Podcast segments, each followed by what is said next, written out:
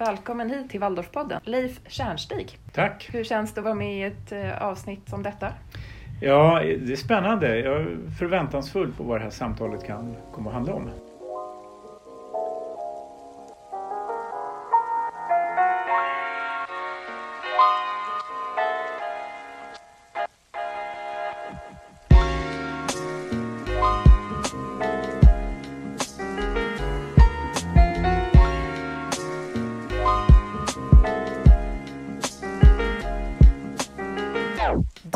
Hälsar jag er hjärtligt välkomna till det här avsnittet av Waldorfpodden.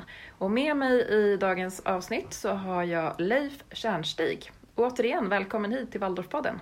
Tack! Hur kom du för första gången i kontakt med Waldorfpedagogik skulle jag vilja veta? Ja, det var eh, slumpartade händelser för, för länge sedan när jag flyttade upp till Dalarna till, utanför Hedemora. Så 1979 så hamnade jag som assistent i en läkepedagogisk klass på Dormsjöskolan. Och på den vägen är det? Och på den vägen är det, precis. Jag mm, utbildade mig först till läkepedagog och sen strax också till, så här, till Waldorflärare. Mm. Och du har undervisat i, i olika ämnen eller har du haft mycket klasser och så? Eller är det... Jag har faktiskt undervisat från ettan till tolvan. Mm. Jag, jag har haft en, en klass först från ettan till nian och sen så var jag ämneslärare framförallt i NO-ämnena kemi, fysik, matte och metallslöjd och eh, lärare i fysik framförallt på flera Waldorfskolor åkte runt Sverige. Och då var du kvar i Dormsjö i många år eller har du varit också på andra platser och undervisat? Ja, jag, ja precis. Jag ambulerade ju runt. Jag var kvar till, nu minns jag inte riktigt här, jag slutade väl på, på Annaskolan då som jag var med och startade tillsammans. Var det, 87 när Annaskolan startade så var jag och Jutta Aminoff då, min kollega, vi var två lärare, vi startade Annaskolan 87. Spännande, det skulle man också kunna göra ett helt program om. Verkligen, det är också ett helt, helt spännande historia hur, Ja. man, hur det gick till när vi startade den skolan. Men jag var där, kvar där till, ja, till ungefär 2005 då jag kom till VLH. Men de sista åren så var jag eh, mer ganska löst knuten och hade framförallt fysik på gymnasiet och åkte runt till olika skolor, olika projekt, Uppsala, Umeå, Västerås och så. Då är det ju så att jag har ju varit otroligt nyfiken på det som du har hållit på med nu i ett par år, alltså sedan ett par år tillbaka ska vi väl säga. Och dels är det ju så som du berättade att du jobbar här på VLH som, som lärare eh, och att du undervisar här och så, men du har ju också faktiskt nu precis nyligen, bara för ganska kort tid sedan, några veckor sedan, så grattis till det, du har ju doktorerat. Eh, och det tänker jag att vi ska prata lite mer om längre fram i, i det här avsnittet. Men om vi börjar med VLH, hur kom det sig att du hamnade här och vad gör du här för någonting idag? Eh, det var Eva Malm som frågade mig om jag ville komma hit och ta hand om NO-undervisningen och matematiken. Det var det. Så, och på den vägen är det. Det var 2005 som jag kom hit. Och redan från början också så tog jag hand om eh, det som då hette Pestalozzi-kursen som var då den som riktade sig till ämneslärare på högstadie och gymnasium. Den har ju sen transformerats till ämneslärarprogrammet på VLH och den har jag hållit i under, under alla åren. Men så har jag också på, på klasslärarprogrammet har jag ansvar för fysik och för mattekursen. Eller för eh, kemi, fysik, det är inte så mycket kemi längre för, för klasslärarna, men kemi, fysik och matematik. Mm, så då har du undervisat flera årskullar härifrån då? Ja, jag har ju väl hållit i det mesta av det som har varit NO. Alice hade ju matte under en period då jag var ganska upptagen med liksom, framförallt doktorandarbete och utvecklingen av, av ehm, ämneslärarprogrammet.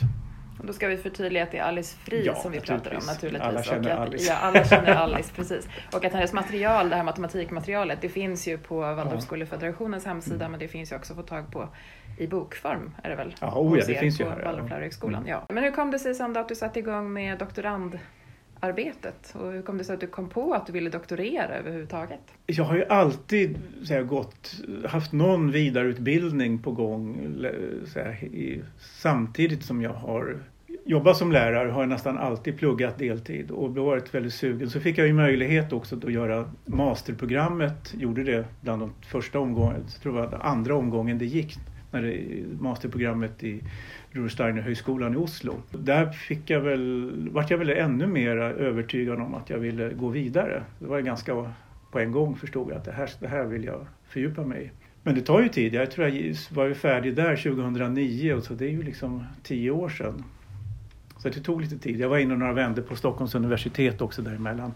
Men, men jag var ganska klar över att jag ville göra, göra en avhandling, doktorera och liksom. Ja, det finns ju många skäl till det, mm. varför man vill ta, ge sig in på ett sånt åtagande. Mm, för det måste ju krävas otroligt mycket tålamod, tänker jag. Och mycket självdisciplin.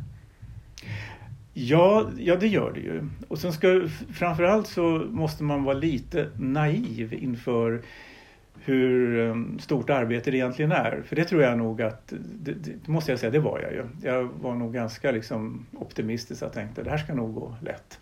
Det här går nog bra. Så det har ju tagit mig sex år att bli klar. Nu var de sista året kanske mest liksom fin redigering och väntan men ändå, det tog sex år från att jag började tills jag disputerade nu här 10 januari. Mm. Ja, det är strångt gjort måste man säga, sex års tid. Men det, mm. det är många som skulle kanske ha gett upp i det läget, men det, det gjorde du verkligen inte. Så det ska du ha en, en stor eloge för, att du orkade kämpa dig igenom. För att det är ju precis som vi brukar prata om nu här i januari, så kallar vi det för oxveckorna. Men att när man ska doktorera eller skriva en masteruppsats eller överhuvudtaget när man ska göra ett examensarbete eller vad det är, så, så kräver det väldigt mycket av en faktiskt. Mycket mer än man tror kanske. Ja, men så är det ju. Och ja, det är oxveckor hela tiden kan man säga. Mm, precis, året ja. om. Mm. Om det nu är så att, att jag eh, som sitter här med dig nu, om vi, om vi skulle säga att det var så att jag, precis som du var inne på tidigare här nu, är lite naiv och inte vet någonting om din avhandling. Kan du berätta vad det handlar om eller om det är någonting speciellt framförallt då kanske som du vill fördjupa dig i?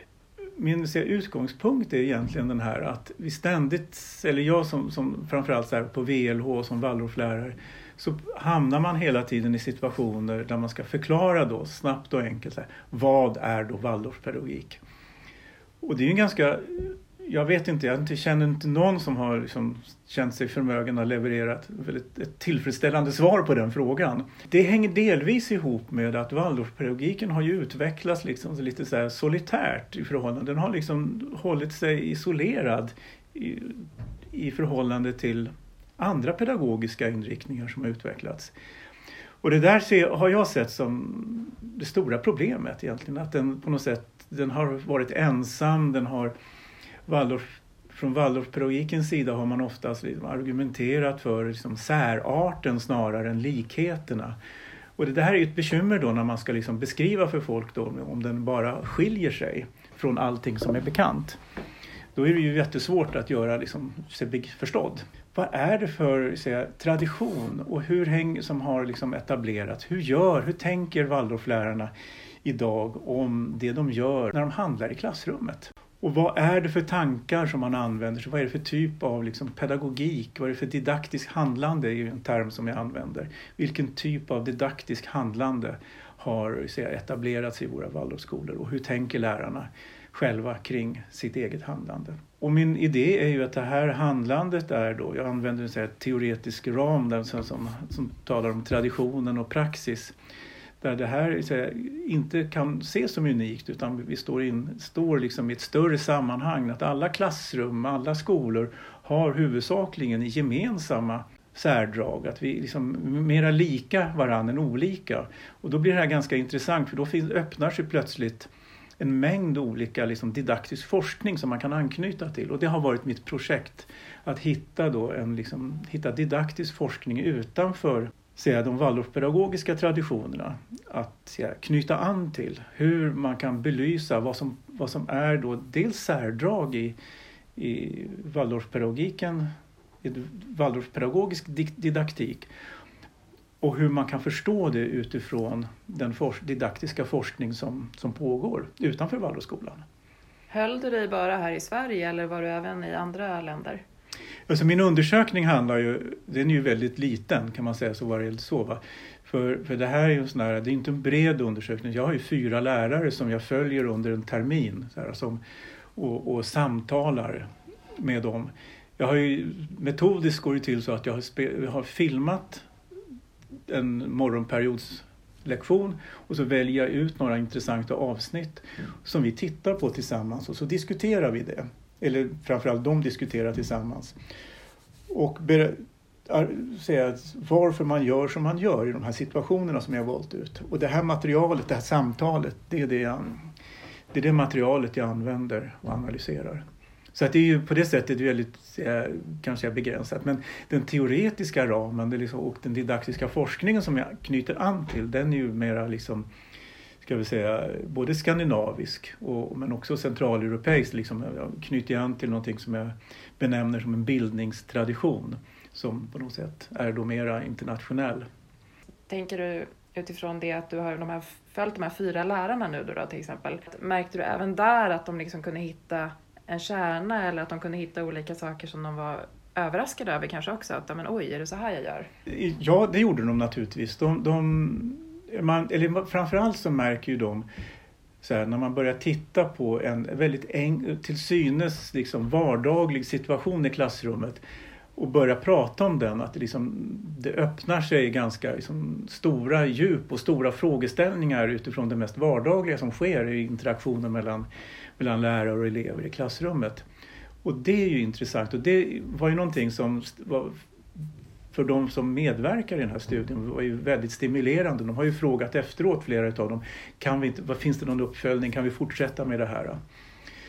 Och sen tror jag nog, nu har inte många utav, nu har inte de läst den här, eller jag ska ju träffa dem faktiskt mm. snart igen här och vi ska, jag ska presentera, de ska få varsin avhandling, vi ska, jag ska gå igenom lite grann resultaten.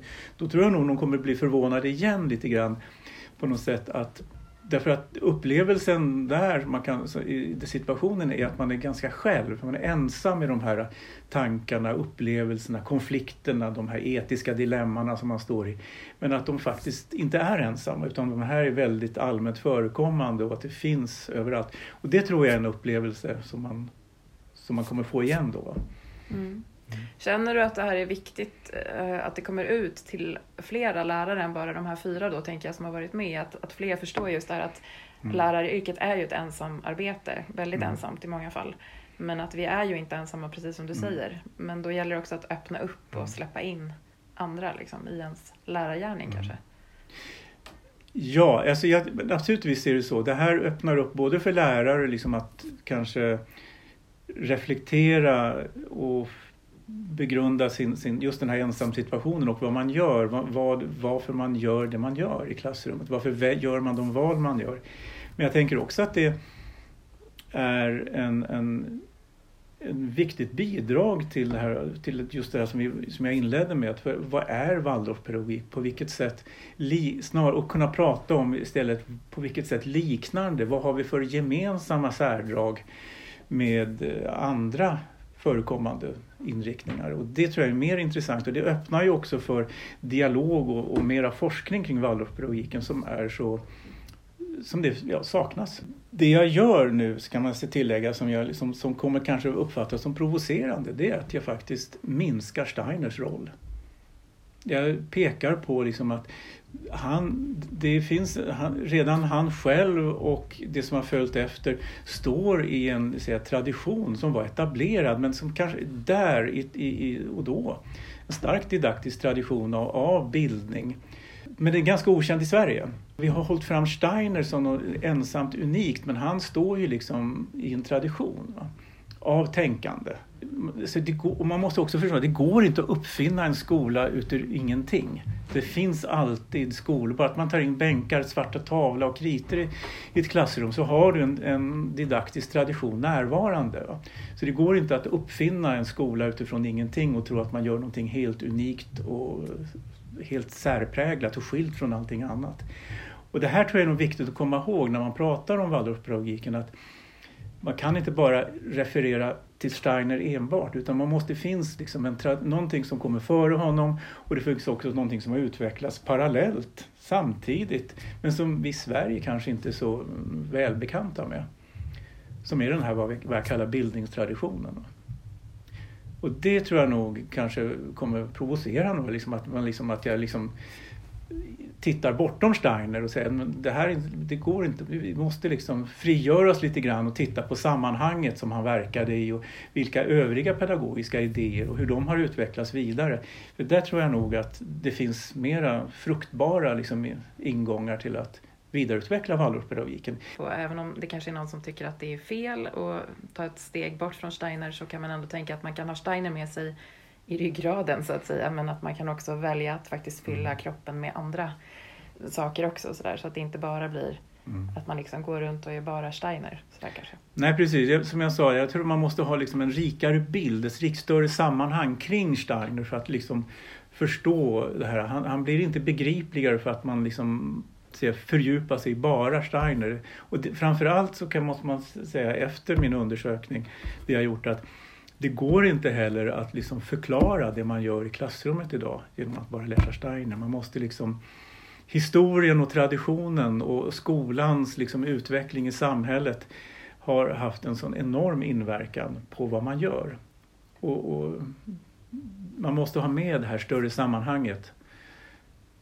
För annars blir det blir inte alls begripligare på det sättet att bara fördjupa sig i allmän människokunskap. Eller Nej, och då blir också världen, precis som du beskriver, blir ganska begränsad. Ja. Då är man ju i det här som jag pratade om, att man inte vågar liksom mm. visa att jag kan faktiskt också andra saker, eller jag mm. vet andra saker som är utanför liksom, det hela. Sådär. Och framförallt så öppnar det ju inte till dialog med andra inriktningar för man hittar inga gemensamma referenspunkter i det här. Utan vi har våran Steiner och så är det väldigt tomt runt omkring här. Och så på det sättet tror jag nog att bidraget som jag har kommit med i min avhandling handlar framförallt om det att, att befolka liksom utrymmet kring Steiner. Här, visa, och visa vilka här, kontaktytor och dialogmöjligheter det finns med andra inriktningar och faktiskt väldigt mycket av aktuell didaktisk forskning idag. Mm. Det finns väldigt eh, mycket där som vi skulle kunna ta fasta på och liksom både berika den forskningen och också berika oss själva för att förstå och fördjupa vad vi håller på med.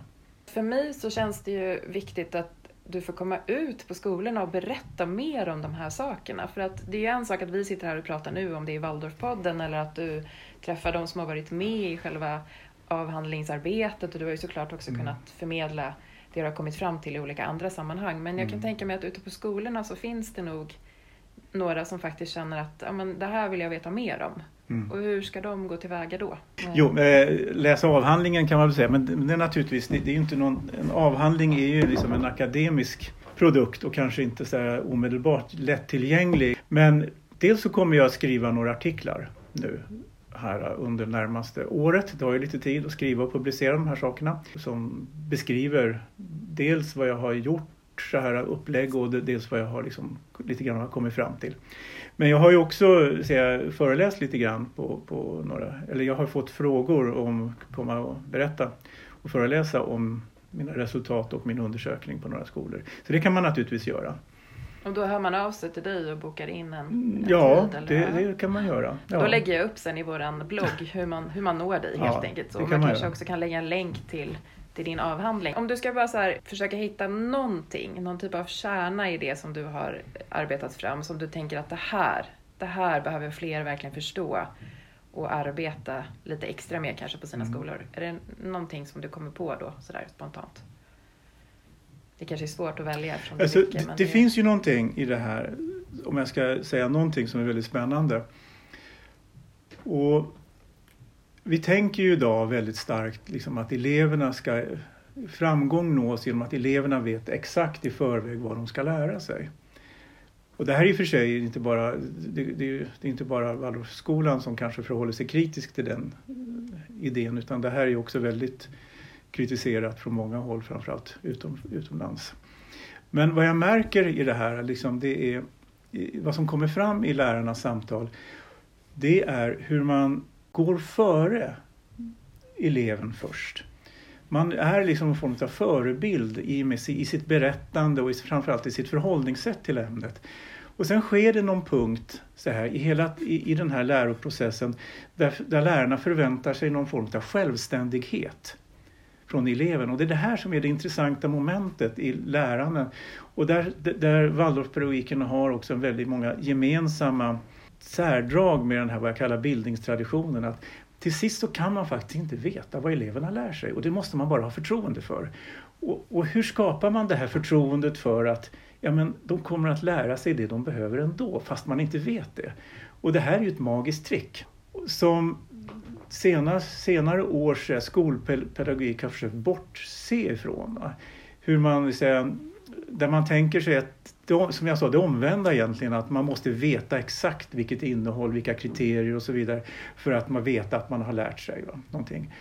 Och här gör man precis det omvända och det här är också någonting som den här bildningstraditionen håller fram. Alltså man kan till sist inte veta vad det blir. Men man måste också ha förtroende för att det är det som är framtiden. Vi vet heller inte så mycket om morgondagen och därför vet vi inte heller vart den här kunskapen som vi förmedlar i skolan tar vägen. Och här ger jag en liten ram för hur, hur lärarna tänker och handlar just inför det dilemmat.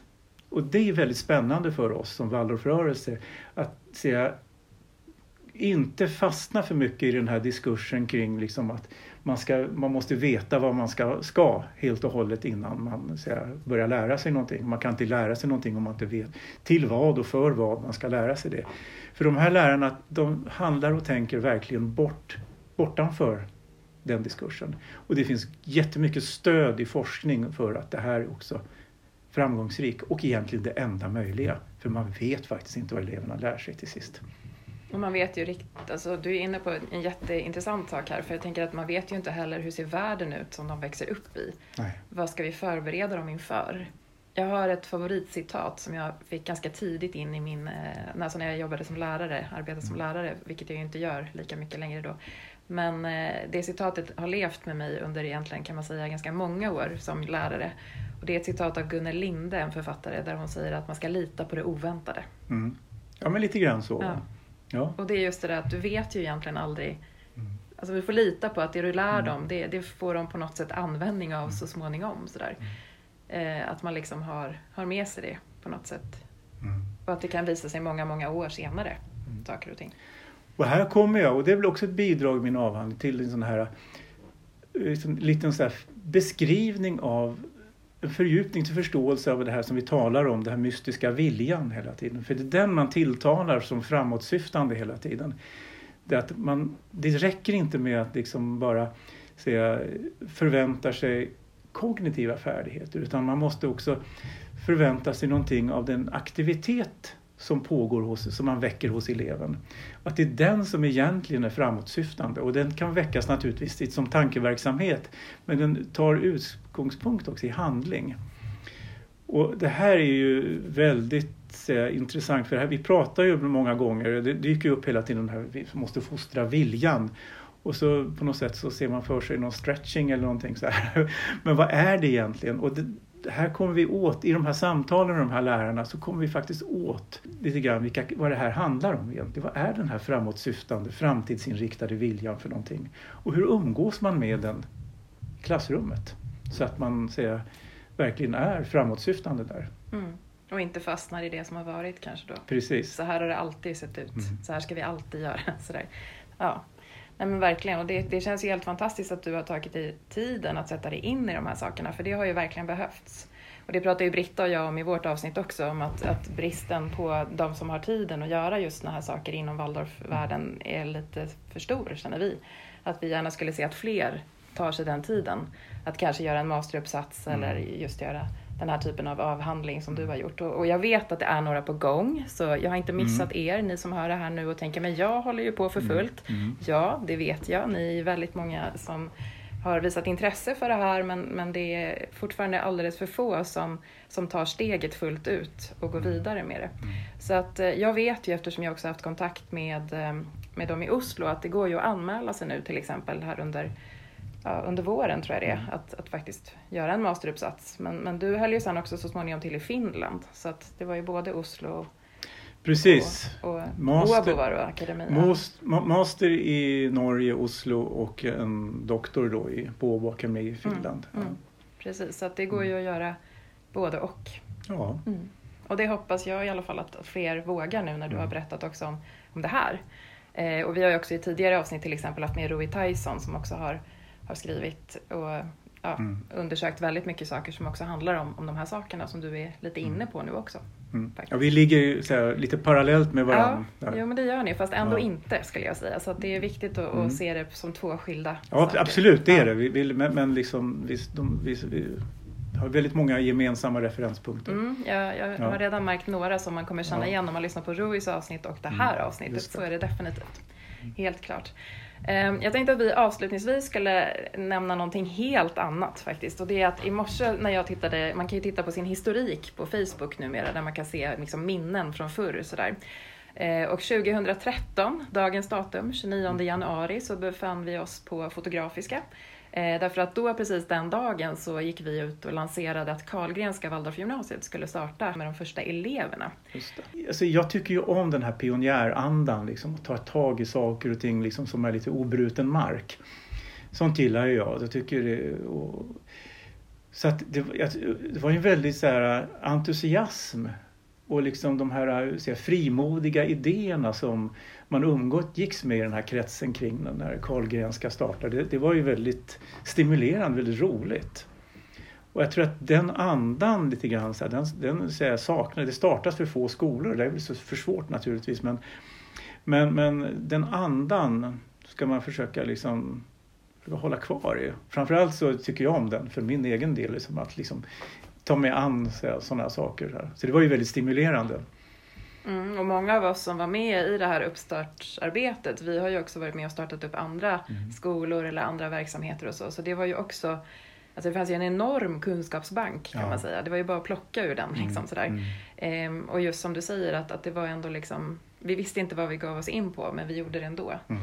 Man tror ju när man startar upp en skola att det är de liksom tre första åren som är de tuffa. När man Mm. har sått det här fröet och fått Mm. ett tillstånd att köra igång och så. Men det kan ju vi säga med facit i hand att det var ju 2013 som det tuffa arbetet Ja. drog igång. verkligen så.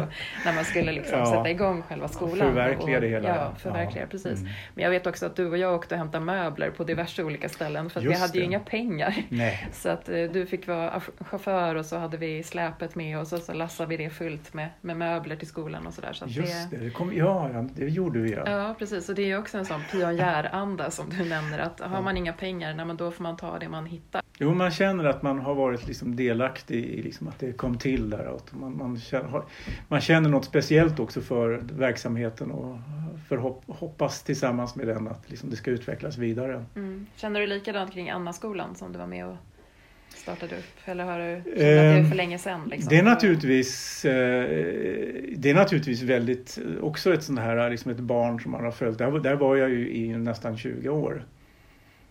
Så att det har naturligtvis väldigt så löst de senare åren. Men, det är också så att det är väldigt skönt när man har här, varit väldigt intensivt på en, på en plats, liksom att frigöra sig lite grann. Och naturligtvis, man uppmärksammar ju, håller ju koll på var de tar vägen, de här Mm. fröna man har sått. Mm.